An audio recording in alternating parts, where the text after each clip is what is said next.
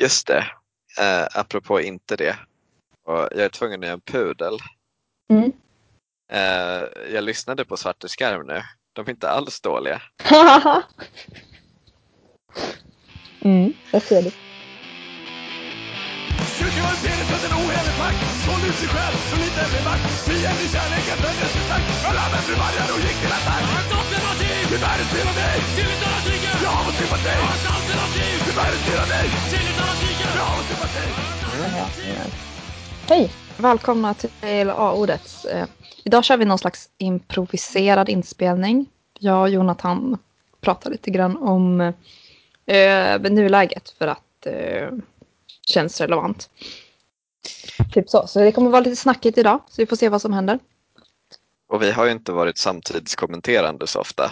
Eh, det var typ valvakan som vi gjorde som en live-video på Facebook. Ja. Men i och med att budgeten kom nu i veckan, eh, alltså den här typen av parlamentarism som vi är eh, skeptiska till generellt, men ändå måste leva med, eh, så började jag tänka jättemycket och kände ett enormt behov av att prata om det här och allt som händer. Eh, för jag tycker det känns som att det är ett anarkistiskt momentum och så gör ingen något. Och, eh, du får för, nu får du förklara vad du menar med anarkistiskt momentum. ja, jo, ett, eh, ett momentum är liksom eh, men det är ett ord som typ betyder så här att här finns det möjlighet att göra någonting som faktiskt kan påverka ganska mycket. Eh, Mm. Folk som pratar om momentum menar att så här, vid olika tillfällen i historien så går det att påverka så här, jättemycket eller jättelite. Så här, man kanske laddar lika mycket men det blir olika resultat. Och nu när det är lite rörigt och eh, politikerna har bråkat sedan september så kanske det finns mer momentum för folk att, eh, eh, för en självorganiserad anarkistisk rörelse att eh, få lite mera, eh, vad heter det, respekt typ. Så, ja, så jag känner lite momentum i luften. Känner, kan du relatera till det Jonathan? Ja, det kan jag absolut. Det är, men, men eh, du kanske också ska förklara lite vad som har fått dig att tänka att det kan vara ett momentum. Ja, ja men det ska jag nog göra. Eh, så här, budgeten släpptes i veckan. Eh, alltså regeringens budget och som alla säkert väldigt plågsamt vet nu så blev det en eh, fruktansvärd budget med stöd av moder- med Moderaterna, KD och med stöd av SD. Och det är en klassisk blå politik som har alltså mängder av, jag läste 50 miljoner i de så kallade skattesänkningarna som bara blir bidrag till rika och eh, eh, massa problem för människor som är beroende av bidragssystemen. Och så. Eh, massor med saker ska försämras. Försäkringskassan kommer få tillbaka stupstocken som gör att folk kan bli utförsäkrade. Eh, det är massa pengar till kultur som försvinner och så vidare och så vidare. Ni har säkert läst massor om det här, vet ungefär vad jag pratar om. Och eh, ni som inte vet kan googla er vidare. Men ja, och eh, Jämställdhetsmyndigheten ska läggas ner, alltså en hel myndighet förlorar stödet också. Eh, och det här har ju lett till att folk har blivit så, jätteupprörda med rätta. Ehm, och eh, jag har sett lite olika initiativ till protester mot katastrofbudgeten som det kallas. Eh, och det håller jag med om, jag tycker det är skitbra.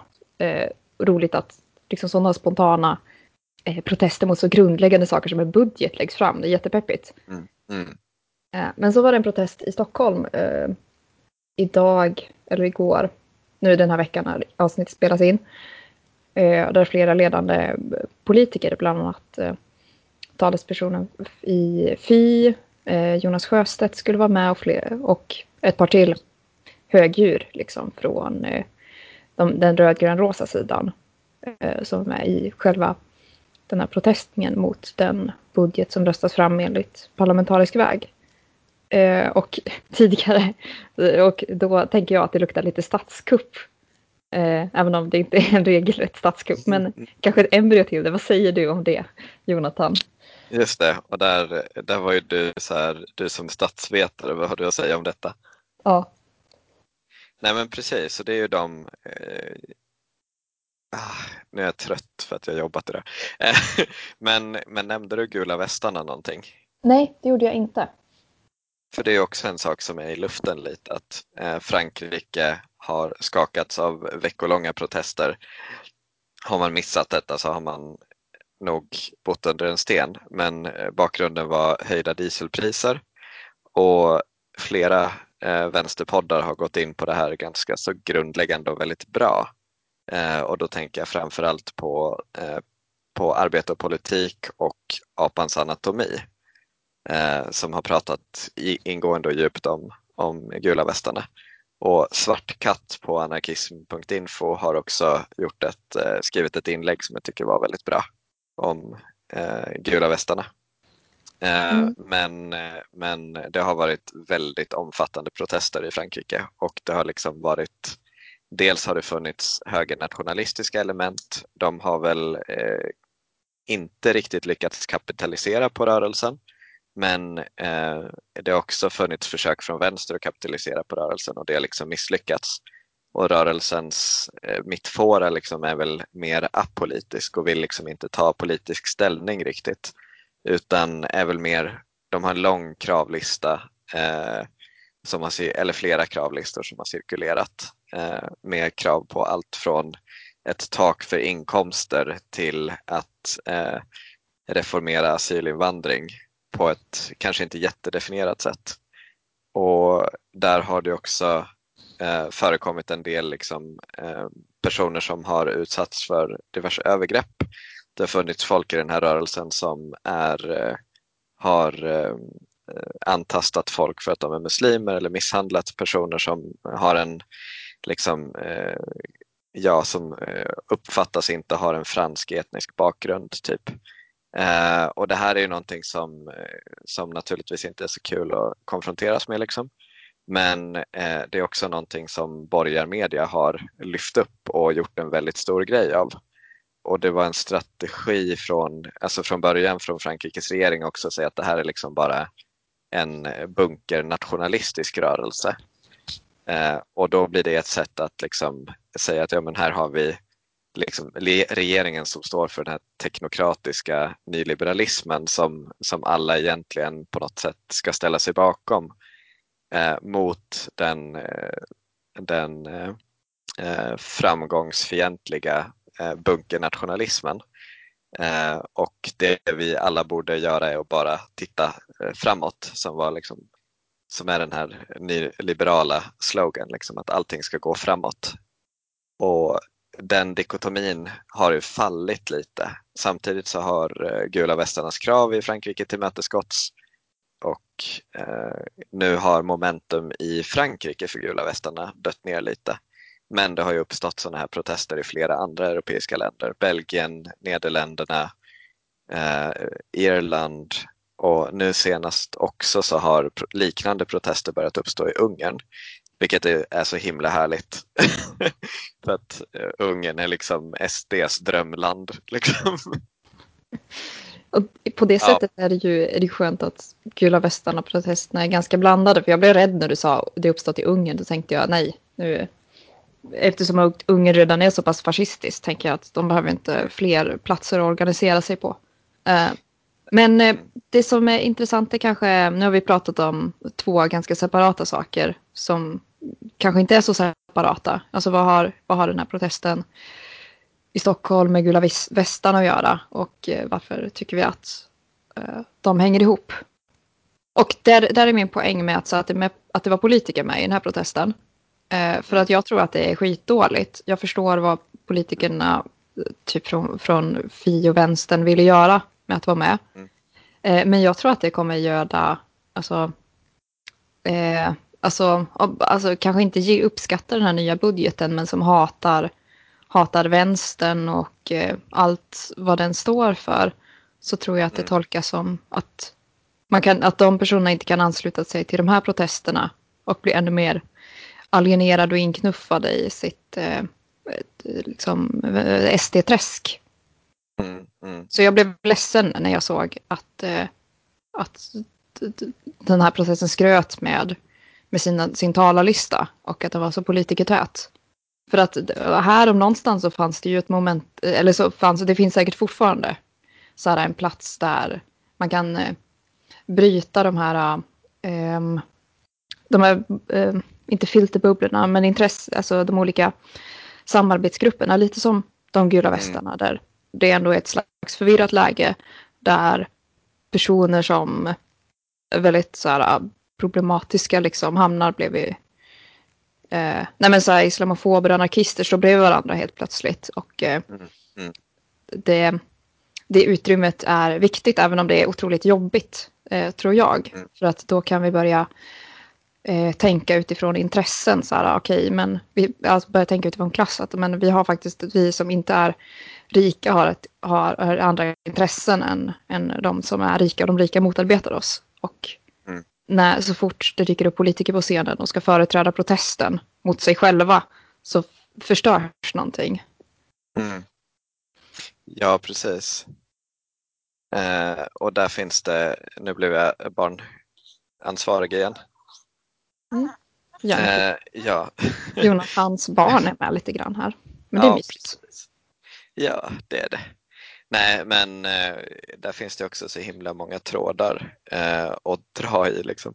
Jag tänker dels på det här vänsterpopulistiska spåret som du är lite inne på. Eh, där har alltså Åsa Linderborg och Göran Greider i Sverige, de skrev en bok för ett tag sedan om vänsterpopulism. Att börja prata klass eh, utan att prata om andra dynamiker eller andra dominanshierarkier.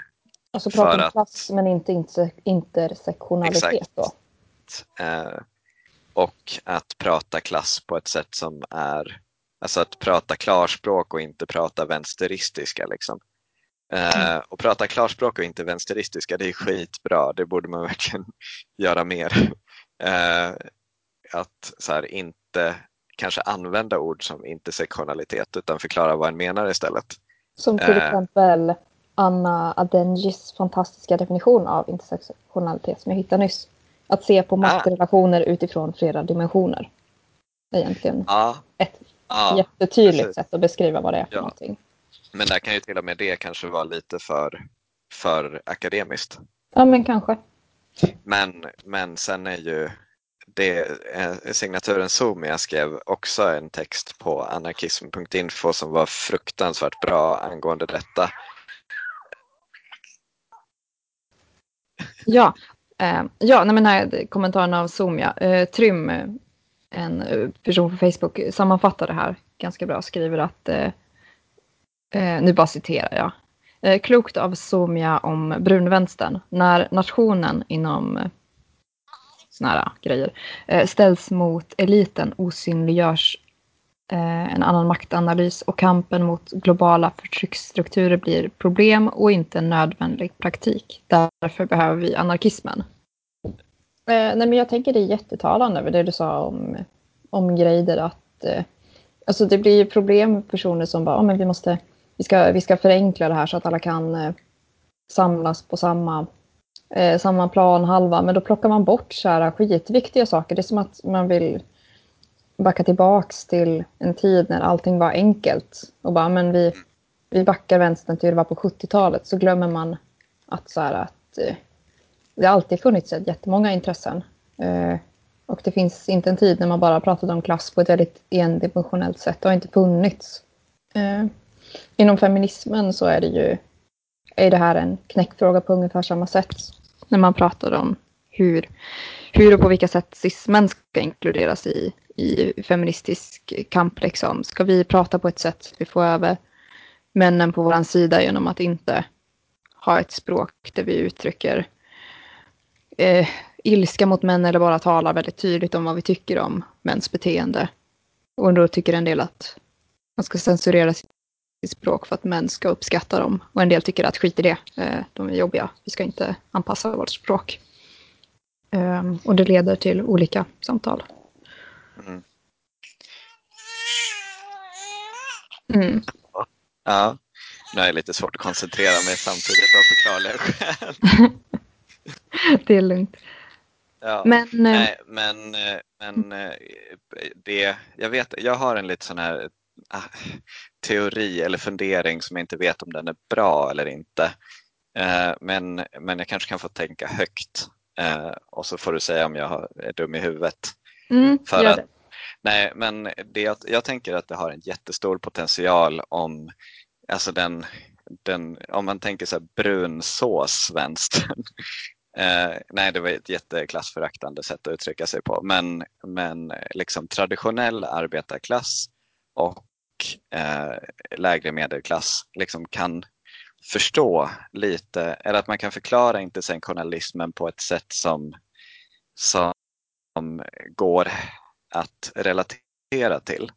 Eh, och att vi inom de klasserna lite kan, kan släppa på en del av stoltheten. Alltså jag tänker när det gäller typ machoidentitet, eh, när det gäller eh, tvåkönsnorm och så vidare. Eh, att de sakerna, att vi, måste, vi på vänsterkanten liksom på något sätt måste förklara Eh, de här komplexa teorierna på ett sätt som, som gör att kampen mot kapitalism och kampen mot förtryck blir viktigare än, än stoltheten i en machoidentitet och i tvåkönsnormen. För att den förändringen som, som liksom, eh, de senaste årens kulturkrig har riktat sig mot, den är väldigt viktig och den får inte glömmas bort. Men eh, det ligger också någonting i att den lite står i vägen för, en, en bred, för att en bredare vänster ska kunna ta form. Eh, så det jag säger i, i det här läget är väl någonstans att båda sidorna har rätt. Och vilka är då vänster... de olika sidorna? både vänsterpopulisterna och den intersektionella vänstern. Mm. Och det jag tänker lite är att problemet på vänsterpopulistkanten det är de personerna som är beredda att offra intersektionalismen för att, för att få makt.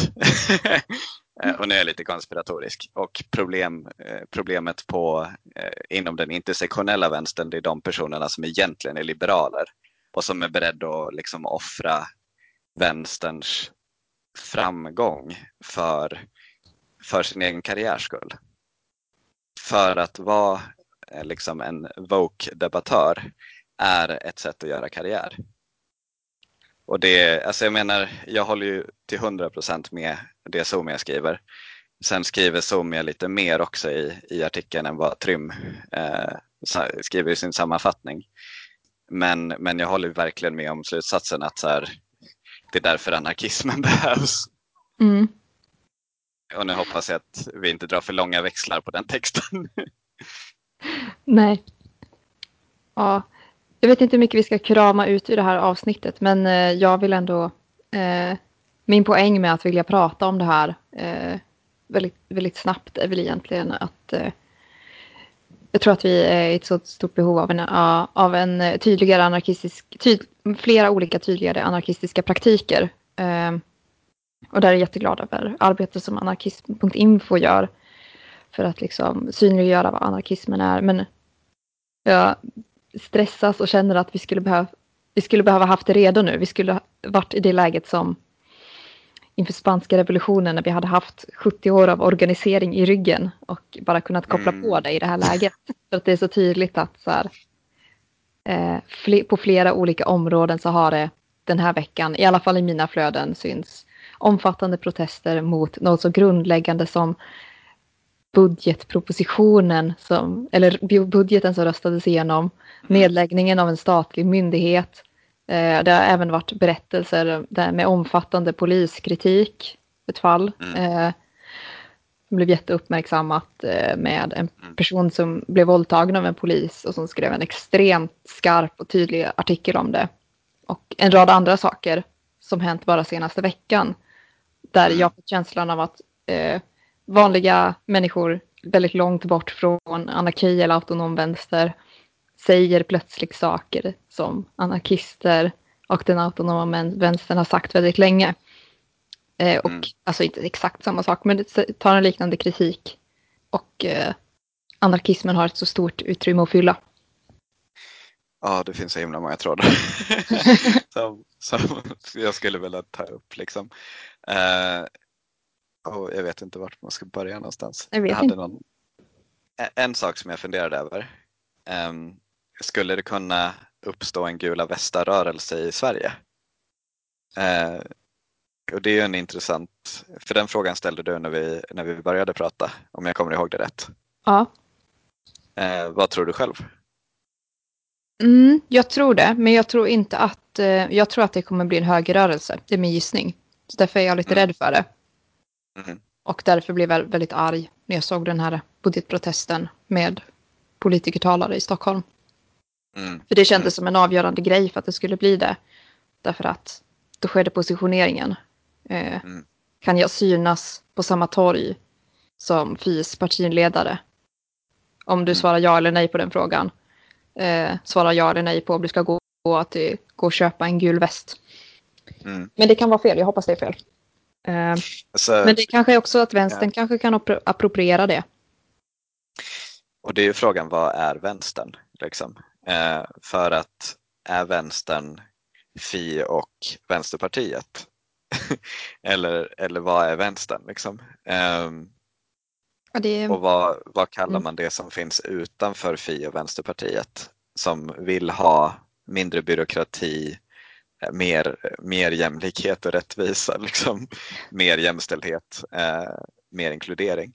Ehm, och jag tänker att alltså, det är lite ett identitetsproblem också på något sätt. Att det är många, jag upplever att det är många som har vänsteridéer som definitivt skulle platsa i ett vänstersammanhang men som verkligen inte vill identifiera sig med att vara vänster. nej, precis. Det, det är ju väldigt intressant. Alltså vad är det som vad är det, eh, en förstår som vänster som en så kraftigt vänder sig emot? Alltså är det på grund av typ homofobi eller är det på grund av att vänstern har företrätt en, en väldigt liten, eller kanske rasism är ju kanske ännu större förklaringspotential än homofobi. Herregud. Men, eller är det liksom ett elitförakt mot vänstern som liksom företräder Södermalm men inte liksom folk som har riktiga jobb. Mm. En skulle ju vilja säga att det är maktkritiken som är liksom vänsterns grej, typ. Eftersom, eh, eller mest med det intersektionella arbetet som då är en kritik mot flera olika typer av maktstrukturer, klass, kön, eh, Mm. sexuell läggning, orientering, identitet, eh, religion och alla de sakerna som är så maktgrejer. Men eh, Mm. det är så virrigt när en pratar om de sakerna för att det är som att de frikopplas från makt och blir, ja, jag vet inte, något annat. Jag vill inte säga identitetspolitik för det är så himla lam eh, sätt Ja, att såga det- någonting på. Och det vill jag inte göra. Ja, precis, Men- exakt. Men att det är glömt bort någonting som har med makt att göra i alla fall. Mm.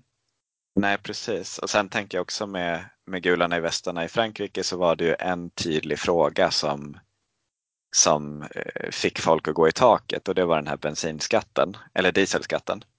Eh, och där tror jag att flera debattörer har gjort ett, alltså, eh, har gjort ett väldigt bra jobb med att tydliggöra att så här, det handlar inte om att folk absolut vill köra dieselbilar utan det handlar om att folk har inte råd att köpa en ny eh, hybridbil för liksom 300 000 kronor.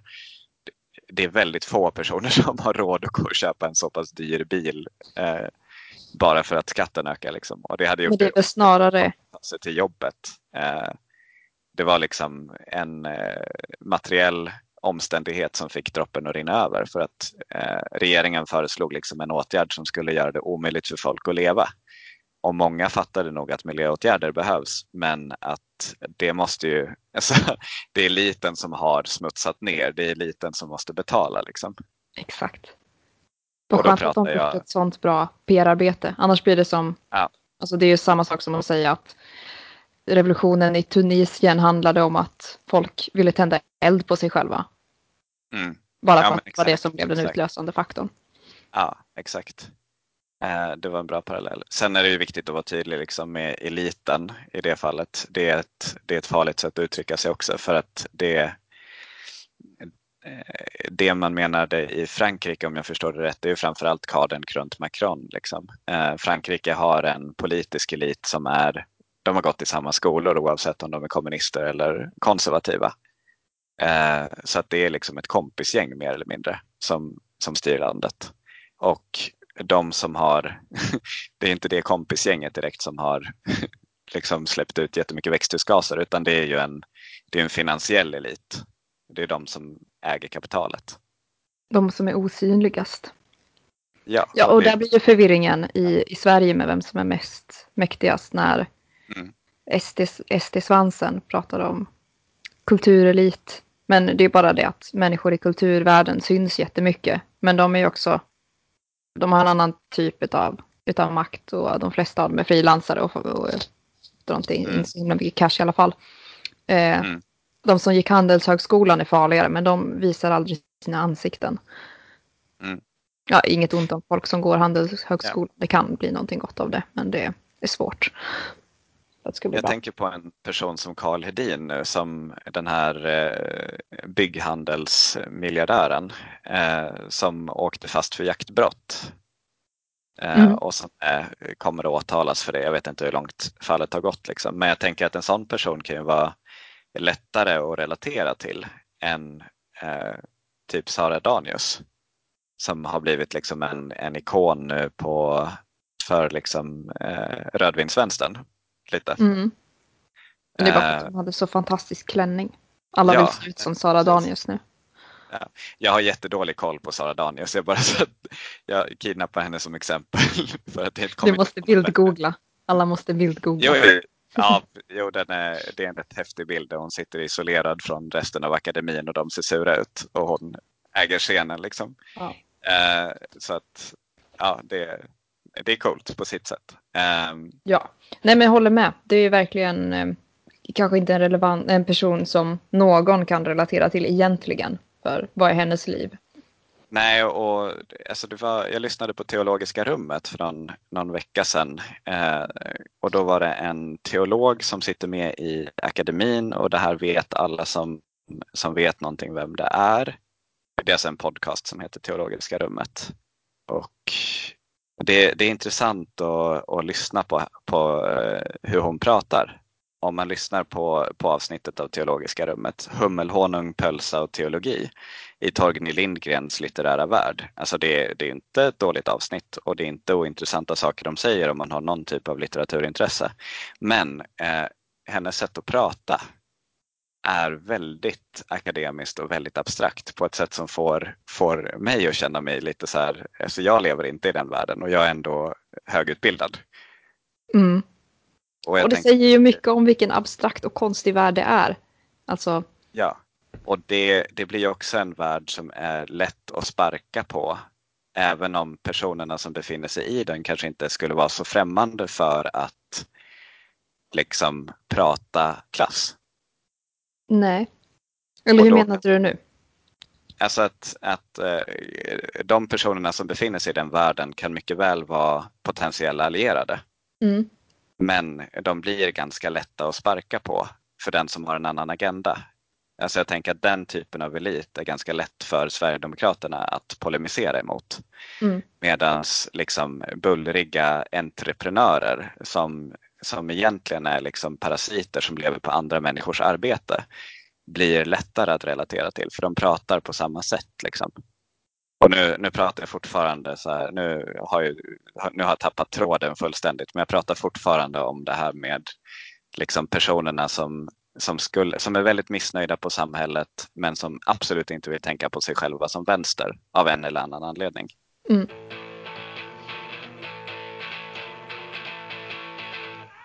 Så vad var en sammanfattning? Den, akademikerna behöver lära sig bli trevliga och inte bara argumentera sig till vinst. Ja, precis. Och, Och, Eh, jag lyssnar på podcasten En vargsagare-podd och där finns det, ett, eh, de har en miljon avsnitt, jag orkar inte ens tänka på vilket det är, men i ett avsnitt så pratar de om relationer och akademiker som är väldigt välformulerade. Jo, de pratar också om, om Mm, mm. varför akademin inte löser sina problem eh, och sina bråk. Och då är det en av dem, Caroline i podden, som säger att men de, de är för välformulerade så de vill bara vinna argumentet och de kan det. mm, Så därför tar det inte slut. det är också väldigt hemskt. Liksom. Och under tiden så finns det väldigt mycket som behöver göras i samhället. Men det är lätt att fastna. Ja. Men det har ju, alltså, jag vet min sammanfattning. Nu, nu blev det jättesvamligt här. Men, Ja, eh, men nu om jag får skjuta in så den. knyter vi ihop det här. Får jag börja? Ja, kör.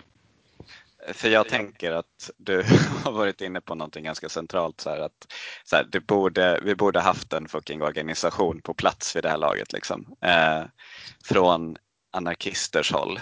Eh, för att anarkismen är abstrakt och konstig men den har väldigt vettiga saker att säga och den har väldigt bra svar i den tiden som vi lever i.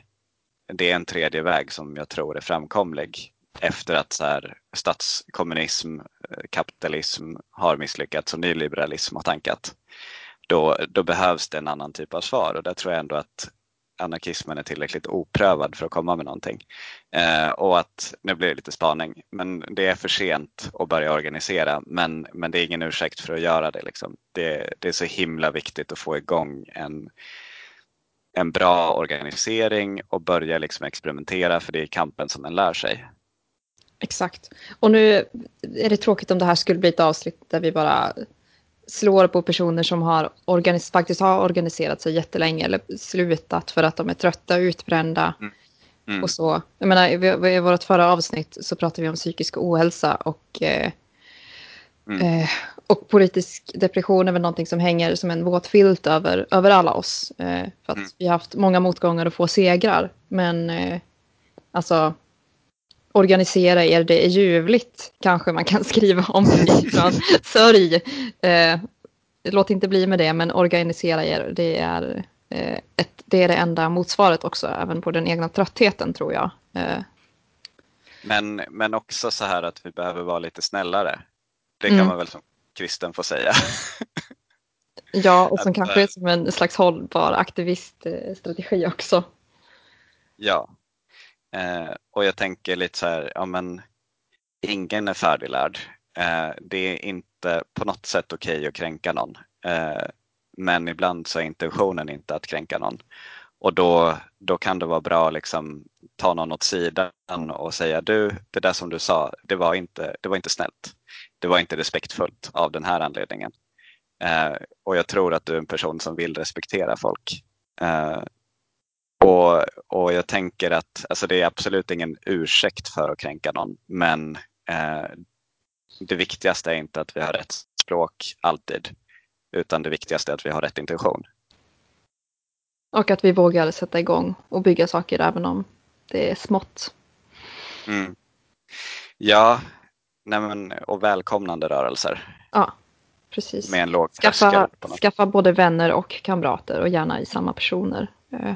Eh, då blir engagemanget eh, starkare. Alltså nu, förlåt, nu känner jag mig som att jag sitter och predikar här. Eh, jag bara gissar att det är så och jag tror att det kan vara bra. Vi Men vi, vi, vi, är, vi är en kristen podd också, så vi får predika pyttelite i alla fall. Men apropå det, så här, vad, för det, det, är en tanke som jag har. Eh, vad skulle kyrkans roll kunna vara i detta? Denna brokiga och taffliga organisation. Oj, herregud, det har inte jag ens tänkt på. Kyrkan om gula västar. Organisationer. Ja. Möteslokaler ja. kanske? ja. Alltså för andra typer av möten. Nej, jag vet mm, mm. Ja, alltså det är ju inte en resurs att förringa. Möteslokaler. Nej. Men där har ju, alltså det är också, där borde kyrkan verkligen ta sig i kragen för kyrkan har ju också blivit fucking nyliberal. Det är mm. så här, ja, men, eh, om du ska ha lokal, om du ska ha kyrkans lokal, då måste du betala en hyra på en gång.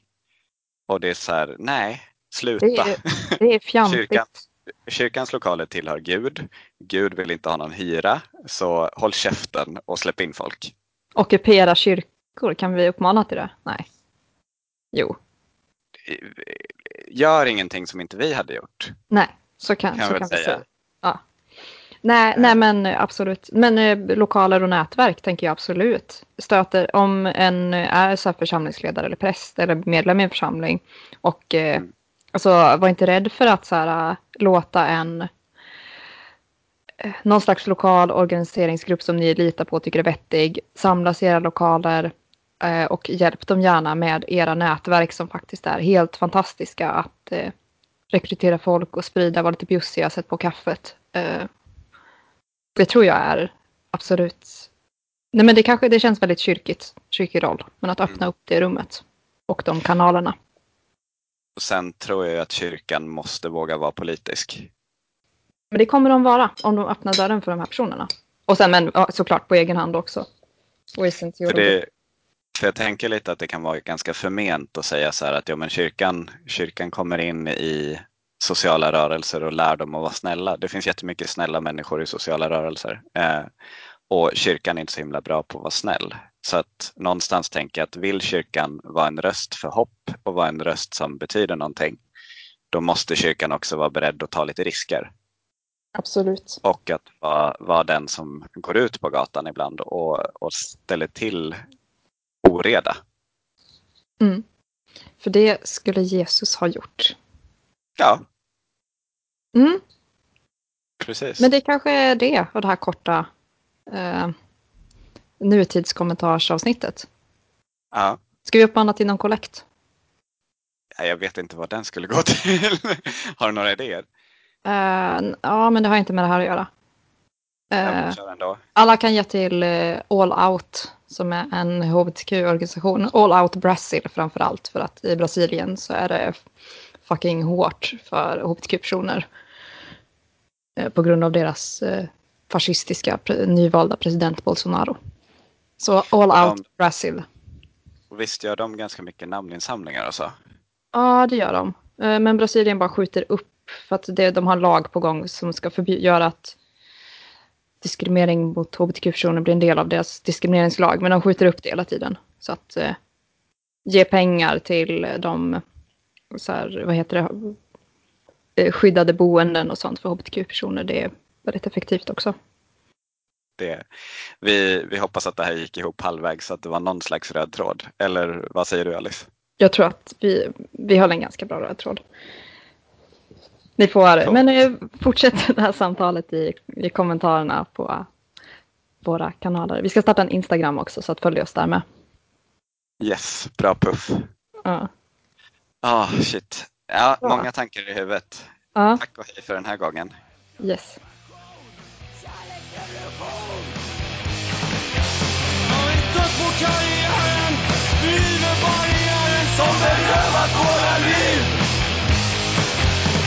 ett alternativ till världens tyranni är att dricka Vi har med sympati Ett alternativ till världens tyranni Ett annat dricka Vi har med sympati Ett alternativ Ett alternativ Ett alternativ Metà Tel Aviv!